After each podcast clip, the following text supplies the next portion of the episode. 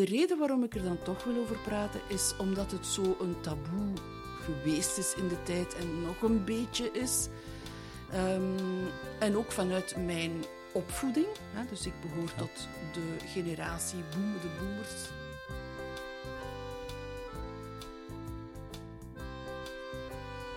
Welkom bij De Taalverwervers, een podcast van Axon Graaf in samenwerking met NovaVox. Mijn naam is Dien Meert, uw host van deze gloednieuwe podcast. Een podcast over de visie en het verhaal achter het taalbedrijf Axon Graaf en dat door de ogen van Grietje de Graven.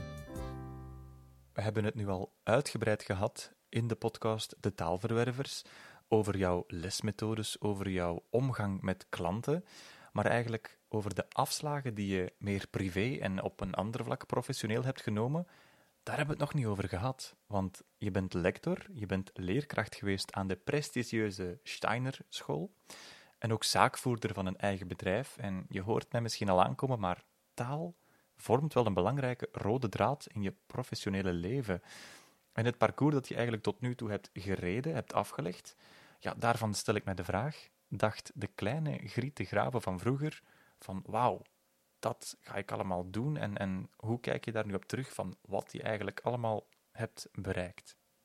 Uh, goh, daar moet ik even over nadenken. Hè. Um, wat ik allemaal heb bereikt. Nee, ik zie het niet... Uh, even, ja, ik ben een beetje aan het denken, hè, terwijl ik Dacht praat. je vroeger van... Oké, okay, dat ga ik bereiken. Want iedereen herinnert zich waarschijnlijk die vriendenboekjes van vroeger, van wat wil ik worden? Ja. Bij jongens was dat dan Ja. politieagent of piloot of astronaut, en bij meisjes was dat prinses of, ja. of, of ja... Wel, ja, dan, als je de vraag zo stelt, eh, is het makkelijk om te beantwoorden. Ik, ik wou leraar worden. Dat Ik- schreef jij op, leraar. Ja, ja, dat is iets wat ik wilde doen van eh, heel kleins af aan. Ehm, de, mijn broers en zussen zullen zich dat herinneren. Toen ik klein was, speelde ik altijd scholeke. Ik speelde altijd scholeke. Dat hebben wij ook nog gedaan. Ja, maar ik deed dat dus met, met heel mijn hart en ziel. Het was zelfs ook zo dat ik eh, mijn poppen, hè, want ik speelde met poppen, Ja. Ehm, ik had zes poppen. Eh, ik had er een paar overgeërfd van mijn zus, die dat dan wegsmeet. En dan recupereerde ik dat. Maar ik zette ze op stoeltjes en ik speelde klas. Ja, ik deed dat heel vaak. En ik zag mezelf eerst als eh, lerares in het lager. En dan, toen ik in het hoger zat, zag ik mezelf als lerares in het hoger. Maar niet in de laatste jaren. Daar heb ik, dus als licentiate was dat toen en nu is dat master. Daar heb ik lang over getwijfeld of ik daar eh, toe in staat was. Maar die sprong heb ik dan toch gewaagd. En dat is ook gelukt. Ja. Ja. Dus ik ben eigenlijk heel erg blij om te kunnen zeggen dat waar ik als klein meisje over eh, gedroomd heb, ben ik ook geweest du- gedurende gans mijn leven. En plannen naar de toekomst toe, dat heb ik eigenlijk niet. Je hebt zo van die mensen die zeggen, waar zie je jezelf over vijf jaar? Vind ik een zeer moeilijke vraag. Altijd. Maar daar komen we straks zeker nog toe. Maar ja, goed. Maar Ja, dus bereikt is, is voor mij een beetje een moeilijk woord. Maar voor de rest, leraar. Ik wilde altijd leraar worden. En we gaan het deze aflevering ook over een moeilijker thema misschien hebben: ehm burn-out. Want je wou heel graag daarover spreken in deze laatste aflevering van de podcast. Ehm, maar misschien ja, is er toch nog een beetje schroom rond dat onderwerp. Ja. Ehm, dus ik heb daar met jou over gepraat om dat te bespreken. En eerst oh, wou ik dat niet zo, omdat ehm, ik zit momenteel in een periode ehm, waar ik de gevolgen van een burn-out aan het ondergaan ben. Maar over mezelf praten daarin vind ik zeer moeilijk. En de reden waarom ik er dan toch wil over praten, is omdat het zo een taboe geweest is in de tijd en nog een beetje is. Ehm, en ook vanuit mijn opvoeding. Hè, dus ik behoor tot de generatie boom, de boomers, hè, noemt men mij. Eh, mijn generatie. En in onze opvoeding, ik denk dat ik mag spreken voor, voor mijn generatie. Je moet maar eh, ja, laten weten als ik me heel erg vergis in commentaren of zo. Maar ik denk dat wij toch opgevoed zijn allemaal met goh, niet, te veel, uh, niet te veel zeveren. Of ja, uh, allee, buikpijn. Ja, met een beetje buikpijn kun je ook naar school. Hè? Dus niet ja, te veel... het is allemaal niet te erg. Ja, niet te veel, ja, voilà, niet te veel klagen. Niet te veel klagen. Hè? Ja. En ja, wanneer ik daarover praat in mijn omgeving, dan kan ik inderdaad wel zeggen dat er zelfs een generatieverschil is. Uh, ik zie dat de jongeren veel dichter bij, hun, bij zichzelf staan, dat ze veel sneller uh, zien of er een probleem is, dat ze met, met hunzelf, hè, dus ik zie dat ze daar ook heel makkelijk over praten, en ik vind dat eigenlijk wel oké. Sommigen overdrijven daarin, vind ik dan vanuit mijn opvoeding waarschijnlijk. Maar ik heb daar ergens wel bewondering voor, want ik kon dat niet. Dus, en daarom heb ik ook wat schroom. Om daar van, daar, van daar komt die schroom, denk ik. Dat ik zeg van, oh, moet ik dit nu vertellen? Wat hebben mensen daaraan? Hou dat voor jezelf. Ja? Dus vandaar komt die schroom toch wel. Maar, ik wil wel ingaan op dit onderwerp. En dat is heel mooi van jou, want het is zeker en vast geen schande het mag en het moet worden doorprikt. En ik vind het heel mooi dat je je verhaal ook in deze zesde aflevering met de luisteraars eigenlijk wil delen. Nu, om er eens over, dieper over in te gaan, die burn-out. Wanneer, in welk jaar of en hoe is die dan precies eigenlijk zich gaan ontwikkelen in jouw leven? Ja, daar heb ik over nagedacht. Um, het is zo dat er een opeenstapeling is geweest van feiten, gebeurtenissen, zowel in mijn privé als ook uh, in mijn professionele carrière. Mhm. Deuren waarop ik gebotst ben, de structuur die zeer log is, um, die geen plaats liet voor individuele initiatieven. Um, of veranderen. Dus bijvoorbeeld, uh, ik had een een opdracht op een bepaald ogenblik waar ik enorm van genoot. Um, en dat was internationalisering. Mhm. En dan om een of andere ja, administratieve reden was dat plots gedaan, van de ene dag op de andere. Ik kwam net uit China. Ik had daar contacten gelegd voor onze school. Eh, maar dus een maand later uh, werd ik uit die functie ontheven. En de uitleg was echt het was een administratieve reden. Maar dus de menselijke kant daarachter, en zo heb ik, dat is een voorbeeld van, van dingen die ik ben tegengekomen in, mijn, in mijn carrière. En waarbij eigenlijk wat ik deed, want ik deed het goed, ik deed dat met heel mijn hart en ziel. Met veel overtuiging. Met en, veel overtuiging en ik nam initiatieven en ik ging naar China en ik was Chinees aan het leren. Ik zat in mijn vijfde jaar. En, ja, en ik had mezelf daar enorm in geïnvesteerd. Ja. Uh, en ik zag toekomst en ik zag uh, hoe, hoe ik een bijdrage kon leveren. En dan plots stopt dat allemaal. En de reden daarvoor is eigenlijk.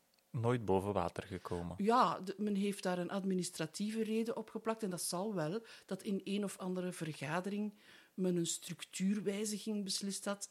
Maar welke gevolgen dit had op de mens, de persoonlijke ja, uh, carrière van iemand of, of ja, de psyche van die persoon, daar is toen niet bij stilgestaan. En toen dan spreken we over? Ja, 20, dat is een feit van ongeveer twintig jaar geleden.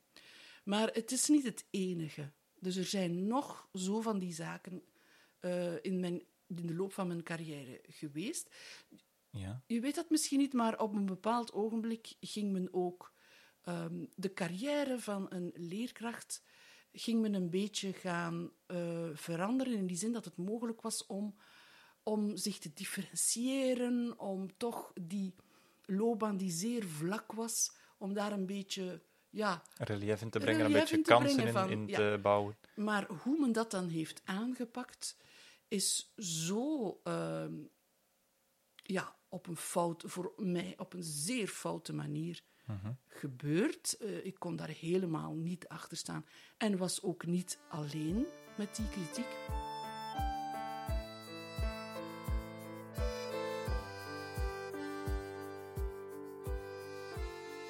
Ik hoor wel iemand met natuurlijk heel veel drang om te presteren. Hè? Want je komt uit een creatieve familie en een hardwerkende familie. Hè? Ehm, dan voel je toch die drang om ook je stempel te gaan drukken. We waren met zes kinderen, dus er zal zeker wel goh, in, in, in onze kindertijd een soort van ehm, competitie geweest zijn, maar eigenlijk... Wat normaal is, hè? dat is ja, dat is een beetje hè? normaal. Maar ik kan met een gerust hart stellen dat wij allemaal... eh, we hebben een goed contact met elkaar en wij gunnen elkaar alle succes. En we zijn altijd is mooi, blij. hè? Ja, we zijn Ja, altijd blij voor dat mooi.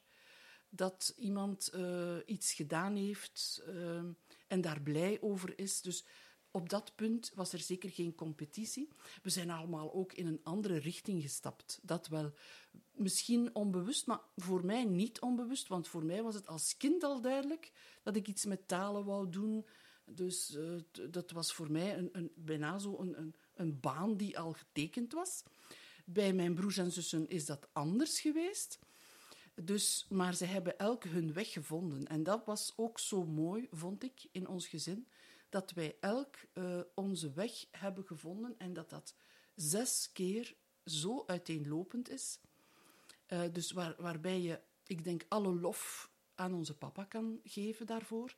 Want die heeft dat zeer hard gestimuleerd. Hij is er ook onderscheiden voor geweest, hè? Voor, voor zijn professionele werk dan ook en zo. Hè? Ja, ja voor, voor zijn creativiteit eigenlijk. eh, want professioneel eh, hadden we een fabriek, maar dat is dan gestopt in de jaren tachtig of zo. Zijn engagement, zal ik het zo zijn verwoorden. engagement lag zeker op het creatieve veld. Zo. En Zijn het dan soms geen grote schoenen om te vullen als kind van? Eh, Wel, juist niet, juist niet, omdat hij ons in, eh, heel hard betrok in alles wat hij deed, maar ook heel erg enthousiast was iedere keer wanneer wij met ons eigen, in ons eigen domein bezig waren en daar stappen in zetten. En hij heeft ons absoluut niets opgedrongen vanuit zijn visie, bijvoorbeeld. Hij wou wel dat we muziek studeerden.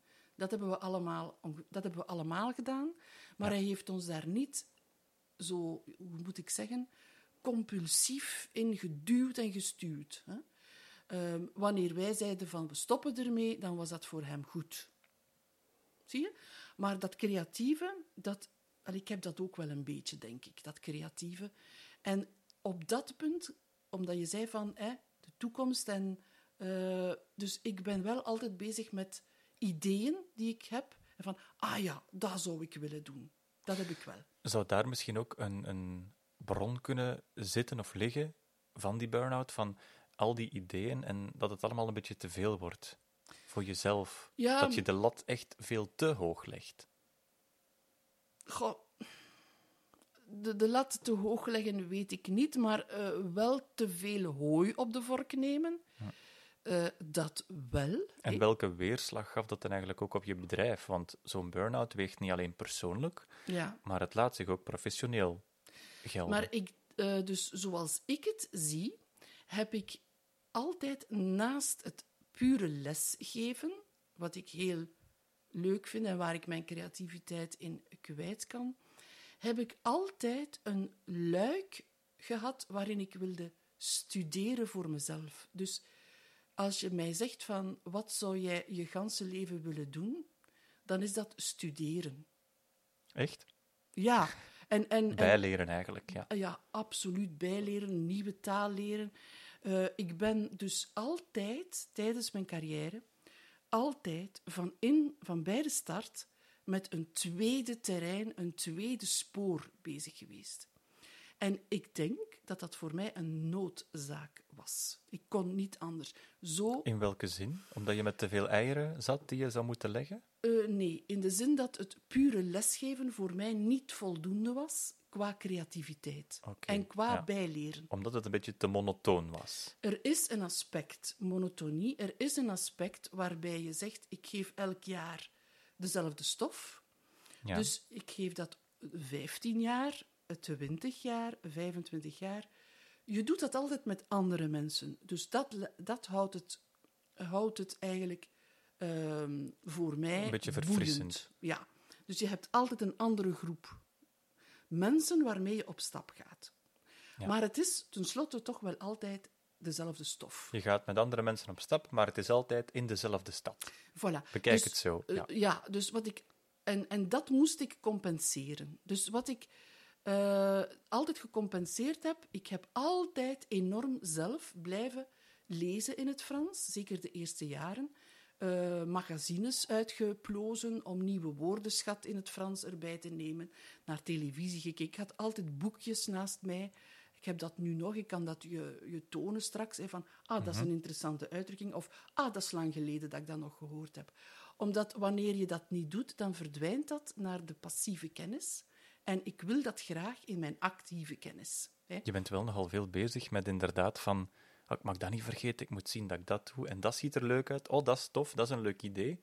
Heel Wel- veel verschillende prikkels. Hè? Op dat punt eh, heb jij waarschijnlijk gelijk. In die zin dat het een beetje mm, typisch is voor een aantal van mijn familieleden ook, zussen en broers, van een beetje chaotisch te zijn. In, in die zin, je bent een beetje creatief ook. Ik wil dat niet overdrijven, hè, want er zijn heel grote creatieve genieën. Maar ik heb toch wel iets in mij dat eh, op zoek gaat naar een nieuwe invalshoek, een nieuwe manier van de Een dingen beetje- te doen. En dat is een Eh, beetje de goud in jou. Nee, dat is niet de chaot, dat is de creatieveling in mij. Maar de chaot is, is dan dat ik veel dingen tegelijk doe en moet oppassen dat het geen rommeltje wordt. Hè? Dus dat ik dingen goed afwerk eh, en dat ik eh, pas overstap naar het volgende wanneer iets af is. Daar kan ik, daar kan ik mezelf een beetje bij correleren in de zin van... Ik heb thuis ook een, een, een, een boekenrek, een heel bescheiden boekenrek, maar eh, alsnog. En daar staan ook heel veel boeken in, die mij echt wel interesseren. En ik heb al een paar van deze boeken uitgelezen.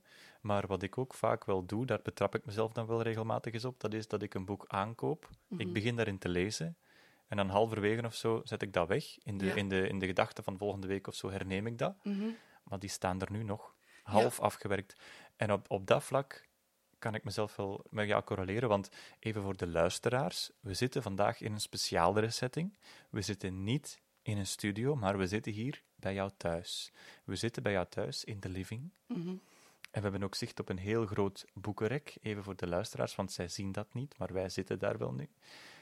Dus eh, ja, en hier zie ik ook allemaal verschillende boeken staan. Ik kijk er nu gewoon echt live naar. Ja, Eh, en ik zie hier verschillende boeken over religie, over geschiedenis. Eh, ik zie er nog een paar leuke artefacten tussen staan. Ik zie pot, potjes, pannetjes. Ja. Ik zie heel veel verschillende dingen. En, en misschien representeert dat ook een beetje jouw persoonlijkheid. Hè? Je wil van alles Denk het, proeven, ja. alles gedaan hebben. ja, Heel leergierig. En tegelijkertijd is het een mooi geheel. En als je een beetje specifieker kijkt, zie je toch ook een beetje de chaos erin. ja. Wat ook misschien een soort schoonheid biedt. Hè? Ik hoop, eh, ja, dus ben blij dat je het zo ziet. Eh, ik, ik heb totaal geen probleem met de chaotische kant. Andere mensen wel. Maar dat zeggen ze vaker, dat creatieve mensen toch een soort van meer chaotisch kunnen zijn of zo. Maar dat Ja. dat net die creativiteit is. Een beetje schilderen of kunstenaars, als je bij die in thuis komt, is dat allemaal... Daar ligt een kwast en daar ligt een penseel en een palet, zo. Weet je? Ja. Maar ja. zij, in, de, hun, in hun tussen haakjes chaos, kennen zij de orde, kennen zij de structuur. Ja, dus als je dat bij mij toepast, kan je dat ook zien. Maar bij mij is het, ehm, is het ook... Ja, dat is een beetje... Allee, ik moet daarbij denken aan mijn papa. Hè. Mijn papa was juist hetzelfde. Die, die legde allerlei zaken overal, maar daar eh, was geen geheel in te vinden. Dat was van, papa, waar ligt dat? En dan kroop hij in een of andere stapel en eh, ergens in het midden, en hij wist dat, lag dat. En hij wist Ja, dat liggen. ja. Dus het was geen chaos in zijn hoofd. De gestructureerde chaos. Maar wel in de zaken die rond hem lagen.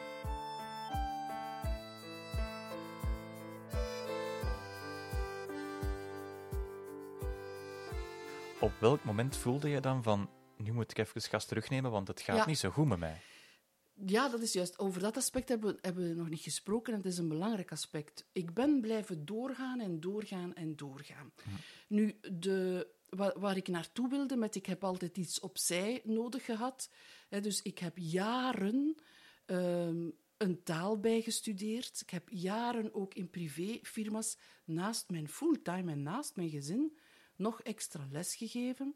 Ik had dat nodig. Uh, ik voelde me daar goed bij.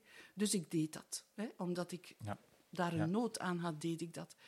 Op een bepaald ogenblik, nogthans, ehm, dacht ik ook om te doctoreren. Dat was zo'n een ding. Ik, ik wou doctoreren. Ja, ja. En, maar ik ben daarvan teruggekomen en ik heb dan als alternatief een eigen boek gemaakt. Een eigen handboek Frans.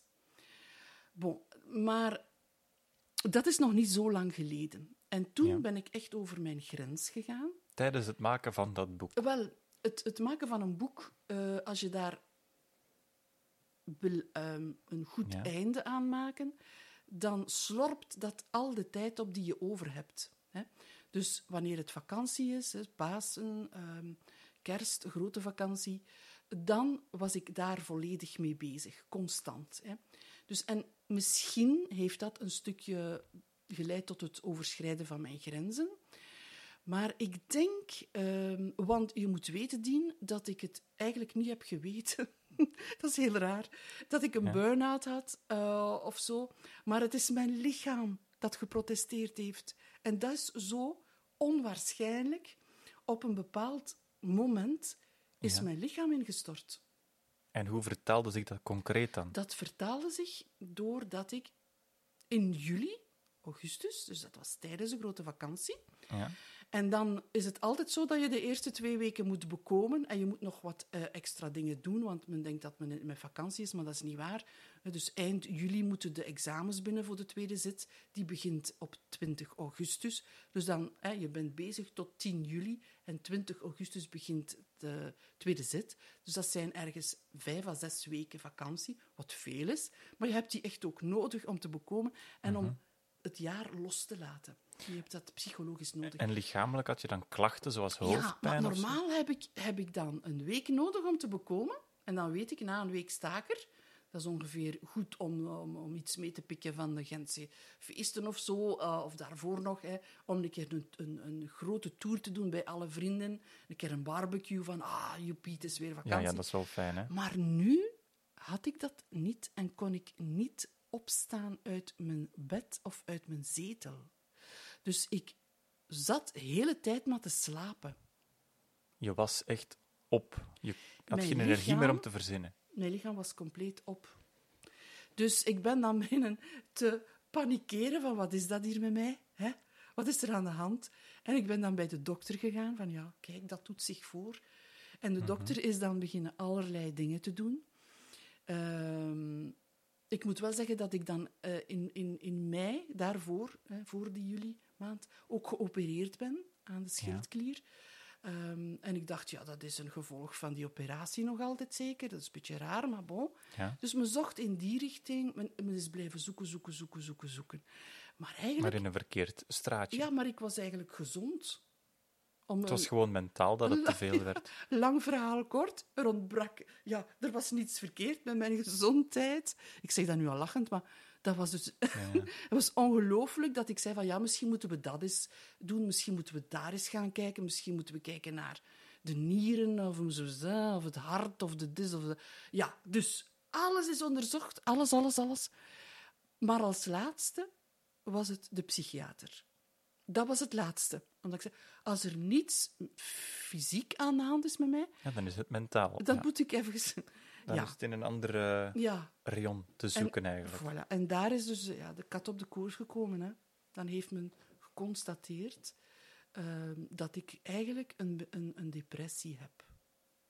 En ik, ik zeg dan nog altijd zo met een stemmetje van... Ik, ik heb een depressie. Zo van, ja, maar wat, wat betekent dat dan? Zit jij dan te wenen hele dagen? Nee.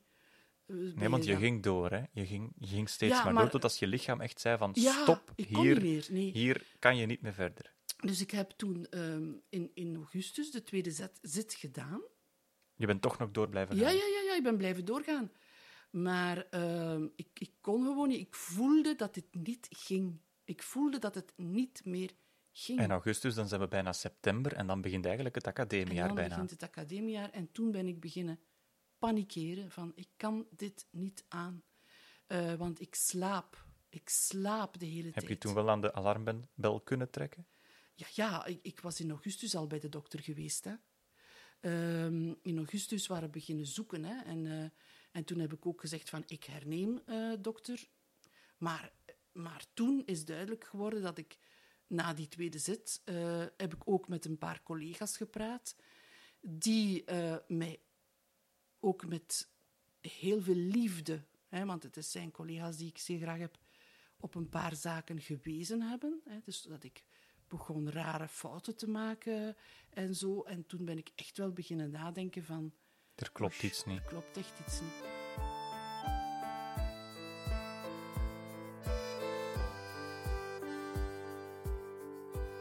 Je hebt zoveel dingen waar je voor strijdt, waar je voor gaat, waar je naar kijkt.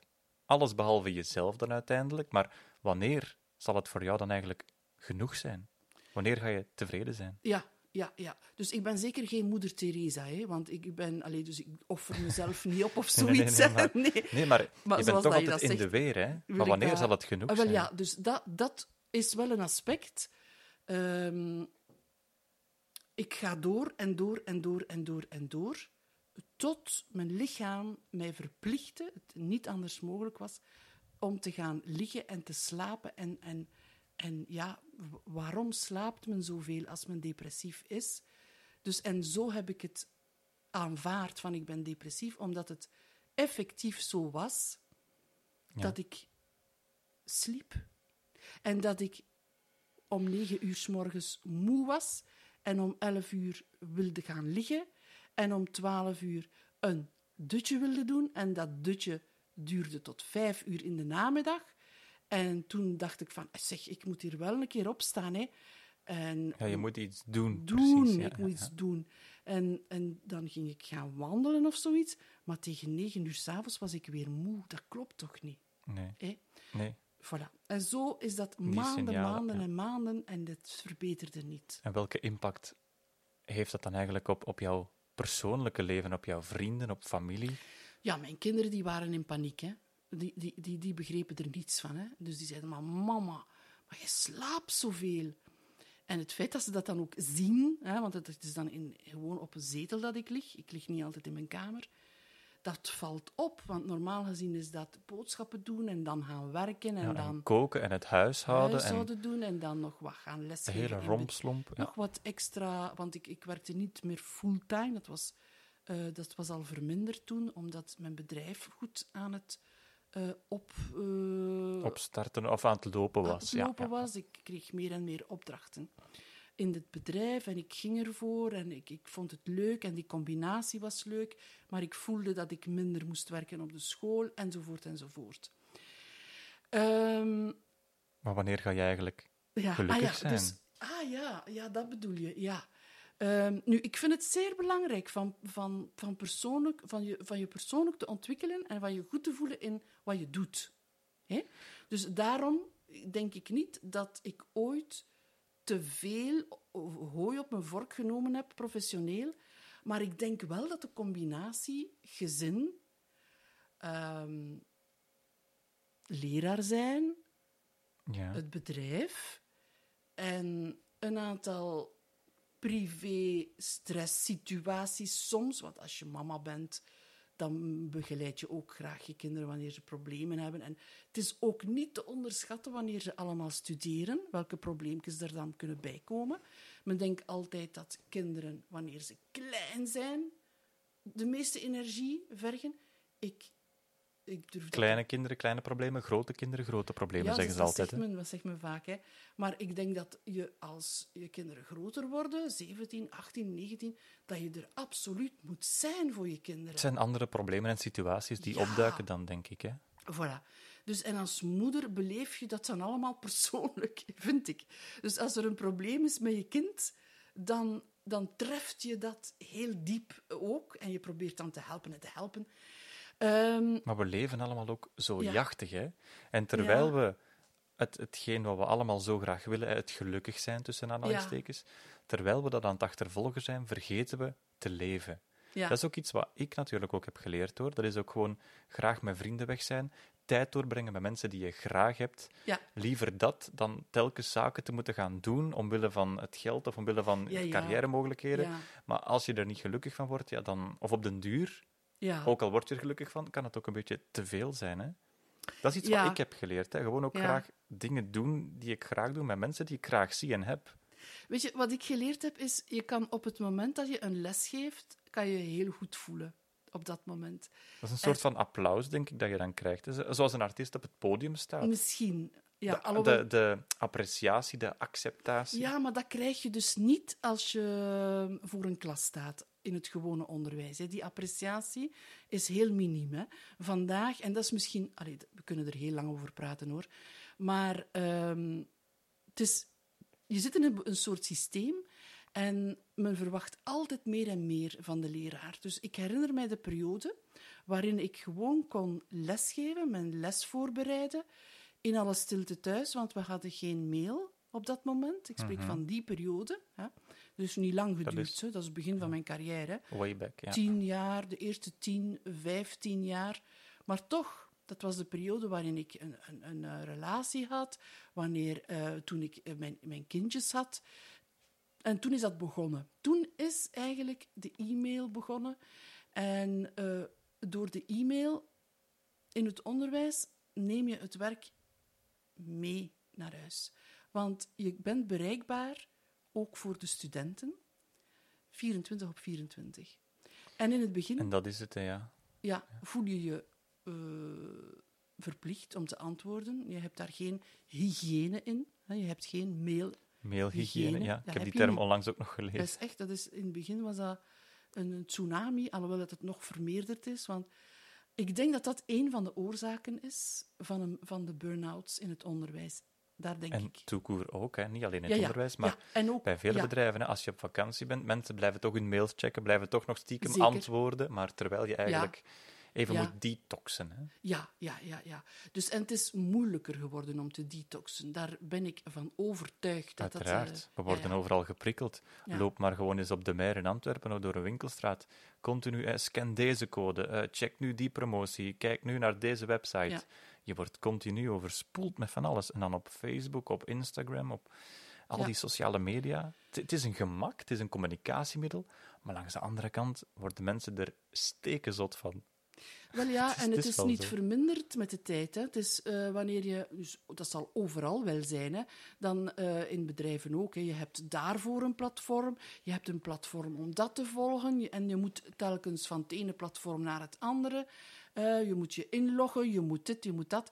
En Wat eigenlijk... is goed, maar je moet doseren. Ja, maar ja, voilà. Dus ehm, ik denk dat jongeren even zeer onderhevig zijn aan al die prikkels en dat dit verklaart waarom jonge mensen ook in burn-out Kunnen gaan en zo. Ja, ja. gaan. Want ik, ik heb eh, in, het, in mijn bedrijf trouwens ook al een paar jonge mensen gehad die, die, die in burn-out zaten. Dus echt dertigjarigen. Dus Maar dat onderschatten ze toch ook wel, vind ik zelf ook. Hè? Eh, ik bedoel, jonge mensen, daar, on- daar, daar gaan ze vanuit van, ah, jullie hebben kunnen studeren, jullie hebben alles wat jullie moeten hebben. En Ja. dan, dan zijn ze nog altijd depressief. Hè? Hoe kan Ja. dat nu? ja, voilà, Ja, maar voilà. het is net die jonge mensen die dan op zo'n jonge leeftijd, die jonge tere schouders, moeten dan zoveel kunnen dragen, zoveel kunnen verwerken, zoveel prikkels kunnen accepteren. Dat gaat niet altijd, hoor. Nee, nee. Dat verwachten mensen misschien, maar dat is niet zo hoor. Het is niet Ja. omdat je alle kansen kunt hebben of kunt gebruiken dat het allemaal goed gaat, want dan waren we allemaal prinsen en prinsessen. Oh, maar ik denk dat de jonge mensen het zeer lastig hebben. Heel lastig. En ehm, om nog even die vraag af te ronden van wanneer ben je gelukkig? En daar heb je een, een punt. Hè? Dus dat is, allee, nu zitten we precies in een andere aflevering. Hè, van wat heb je nodig om gelukkig te zijn? Maar ik denk, ehm, sinds ik in deze modus beland ben, ben ik gaan beseffen dat ik veel meer uit mijn kot moet komen. Dus dat ik mij niet mag, mag laten opslorpen door die job en dat bedrijf.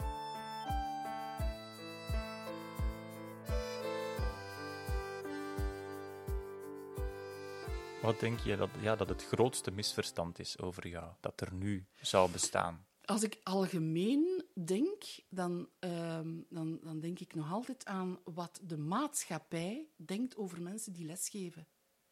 De maatschappij denkt nog altijd. En daar kan ik boos over worden. Mijn familie weet dat, dus ik doe dat niet meer. Ik word niet meer boos. Mijn papa kon mij goed triggeren daarin. Die had zo een lachje van, ja, ja, maar in het onderwijs... Heb. Maar hij wist dat als hem dat zei, dat ik daar effectief op inging. Van, en de, de mensen denken dat, maar dat is Ja, niet waar. wat zei hij dan precies? Ja, zo van, allee, eh, ze is weer met vakantie, hè?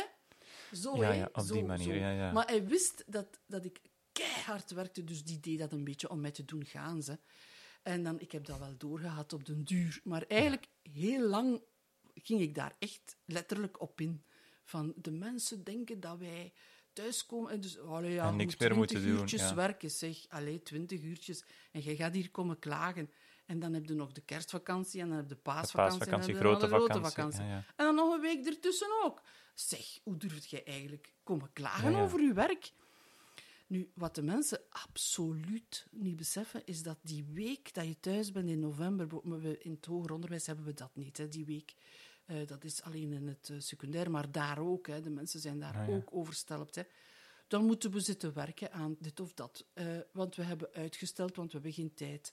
Dus in die week gaan we dan een keer al die verbeteringen doen die we niet kunnen doen hebben de laatste vijf weken. Ja. En we hebben ze laten liggen, want ja, jongens, sorry, ik ga dat in, de, in die vakantie doen. Even geduld. Hè? Of in de paasvakantie, in mijn geval was dat dan, ehm, ja, de laatste vier jaar was dat aan dat boekwerken. Allee, dat is nu wel vier jaar geleden, maar ik zeg de laatste acht jaar bijvoorbeeld. Was dat dan of een nieuwe cursus schrijven, een nieuwe cursus, of de cursus herwerken, of ongelooflijk, ik zat altijd te werken in de kerst- en de paasvakantie, die veertien dagen lang. En die vooroordelen, zal ik ze zo even noemen, zijn die dan verbeterd of net verslechterd? Allee, dus verminderd of vermeerderd met de tijd? Ik denk dat het hardnekkig is, want... ehm, Dat mensen nog altijd Ja, die houding die- zullen hebben die- over leraars in het ja, algemeen. dat- Want vroeger, ja, leraars, echt vroeger, vroeger spreek ik dan, dan, dan had men respect voor de dokter in het dorp, dan had men respect voor de leraar in het dorp, dan had men respect voor, voor de notaris. Zo de notabele beroepen, waarvan dokter en notaris nog altijd er zijn, maar het respect, het, het hoe dat mensen aankijken tegenover de leraar vroeger was, wauw. En nu is dat eigenlijk van, ja, ze doen niks, ze zijn lui en ze hebben veel te veel vakantie. Ja, en, en dit geldt niet alleen voor mijn beroep. Hè. Heel duidelijk, eh, er is geen respect, of men ervaart van een aantal mensen, hè, pas, ik ga niet spreken over de meerderheid, maar er is een, een categorie mensen die zich altijd verontwaardigd eh, gedragen, die zich altijd beledigd voelen, die zich altijd tekort gedaan voelen. En van die mensen hebben we allemaal last. Hè. Zowel de dokter als de leraar. Als, dus er is een categorie mensen die om gelijk welke reden gestimuleerd worden om niet tevreden te zijn over wat andere mensen doen voor hen. Dus dat is een algemeen verschijnsel. Denk maar aan de sociale media, hoe ze iemand kunnen afbreken om domme redenen enzovoort. Dus dat, het is niet alleen voor leraren zo. Maar wat ik wil zeggen, ja, eh, is dat het ook bij jonge mensen speelt. Want ik heb iemand die drie jaar in het onderwijs gestaan heeft. Ze is amper 5, 26. En die ook kloeg over het feit dat haar vrienden zeiden van... Allee, allee, allee, kun jij nu weer niet mee omdat je moet voorbereiden? Dat kan toch niet gezet? Dat is een excuus zeker om bij ons niet op stap te Ja, ja. Dus die daar heel, heel erg veel onder geleden heeft. Dat mensen niet wilden zien, aanvaarden of snappen dat je heel veel moet voorbereiden om een goede les te hebben. Die les komt niet alleen. Je moet daar aan werken. En journalisten, daarvan weet men dat ze s'morgens om acht uur op hun bureau zitten in de VRT en werken Mhm. aan hun teksten en dan maar een uurtje op tv komen. Men zal nooit zeggen van een journalist, ja, die werkt maar een uurtje per dag. Zie je? Ja, Of, ja. of een acteur. Een acteur, men denkt ook soms van, oh, wat een leven is dat, wauw, we moeten hier maar een uur en een half staan. Maar Ja, maar die iedereen- repetities, ja, maar ongelooflijk iedereen lang. weet van er zijn repetities. Oké, dat wordt dan misschien aanvaard, maar het wordt nog onderschat, denk ik hoor. Absoluut, ja, ja, ja. En in de media zeker. Ja, ja, het wordt allemaal onderschat. Net En als dat- mens, net als podcastmaker, ik zeg het, ik ben ook zelfstandig op dat vlak. En uiteraard mensen zeggen van, oh, jij moet daar gewoon wat gaan zitten en een beetje praten en dit en dat, maar ze zien dan niet de, de voorbereiding of de montage of allee, al dat soort zaken. Maar om dan eens te kijken over, naar de toekomst. Grietje, waar zie jij jezelf eigenlijk over vijf jaar dan staan? Ehm, ik hoop, en, en ik, ik weet niet waar ik zal staan. Ik hoop dat ik eh, uit de depressie ben, want vijf jaar, dat zal niet, zal niet zo zijn dat ik vijf jaar depressief zal zijn. Hè. Want ik heb er nog altijd last van hè, nu. Mhm. Ehm, ehm, maar wat ik wou zeggen is, ik hoop dat de projecten die ik in mijn hoofd heb vandaag, dat ik die ook tot een goed einde zal hebben gebracht. Ik- En dat je over vijf jaar kan zeggen van, kijk eens aan, Ja, wat heb ik toch ja. allemaal uitgestookt. De podcast die ik nu doe, is, hoort daarbij. Hè? Dus de eerste vijf afleveringen die we gedaan hebben. Ik heb dat in het begin van de podcast gezegd ook. Eh, de bedoeling van mijn podcast is vooral om deze methode beter te leren kennen. De neurolinguïstiek. Ik heb ondertussen hè, eh, nog wat eh, video's bekeken. En ik heb vooral bekeken hoe oud, hoe oud de video's zijn waarbij mensen spreken over hè, de goede kanten van de neurolinguïstiek in het onderwijs. En je ziet dat dat nog maar een vijf, zes, zeven jaar boven komt. Dus er, is echt nog heel veel werk. En vooral in België. Men moet in België... eh, ik hoop dat ik geen stommiteiten zeg. Eh, ik denk dat universiteiten ermee bezig zijn. Maar het moet nog doordruppelen naar, eh, naar het onderwijs. En daar hoop ik eh, met mijn bedrijf alleszins een soort van beginpunt te mogen zijn. te mogen zijn. Dat is een mooi doel om over vijf Dat is, jaar, een, dat is een mooi doel. om hè. over Ik vijf jaar te stellen. dat, eh, dat mensen veel meer ook hun, hun lesgeven gaan organiseren rond de inzichten Die rond- Axon Graaf op de kaart dan zal zetten. Die, ja, die ik via mijn bedrijf, maar ik ben dus niet de uitvinder van die methode. Nee, maar Dat je, wil ik je, duidelijk je, stellen, je hanteert Maar- ze wel. hè. Ja, ik hanteer deze en je wil wel graag een soort van pionier worden, hè, eigenlijk. Ja, Dus dat zijn wel mooie vooruitzichten. dat is een heel leuk doel. Hè. Dat, is, dat vind ik echt een, een, prachtig Nu- doel, maar ik heb er nog andere. Om, eh, om even af te ronden, Grietje, Ja, wat mag ik jou nog toewensen? Wens me alsjeblieft toe eh, dat ik uit die modus eh, geraak, want het, duurt me al veel te lang. Eh, ik sta te springen in mijn hoofd, maar mijn lichaam wil niet mee, om verschillende projecten te beginnen.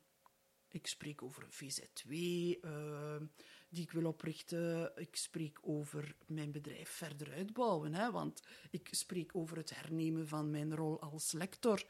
Eh, ik hoop dat ik dit allemaal terug kan opnemen met een vernieuwde hygiëne rond eh, Het doseren. ja, het doseren van mijn eh, privéwerk, dus met mijn kinderen. Want ik heb nu, vind ik, een heel goede band opgebouwd. Een andere band met mijn kinderen. We spreken weer veel meer met elkaar.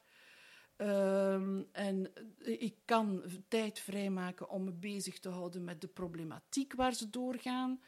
Ehm, eh, dus ik, heb, eh, enfin, ik ga zeker niet over mijn kinderen praten, want dat, dat wil ik niet. Maar, Maar in alle geval toch wel mooie vooruitzichten en het vuur is zeker nog niet gedoofd. nee, absoluut Grietje, niet. Hartelijk bedankt om jouw ziel hier toch te willen blootgeven in Dank deze u. zesde en laatste aflevering Ik hoop dat ik er een aantal mensen mee geholpen heb, vooral. en geïnspireerd. Dat hoop ik ook. Voilà, Grietje, dankjewel. Wens je meer informatie over de werkwijze van Axon Graaf? Of wil je deze aflevering herbeluisteren? Surf dan naar www.axongraaf.be of ga naar Spotify, Google Podcasts of Apple Podcasts. En volg ons zeker op LinkedIn en Instagram.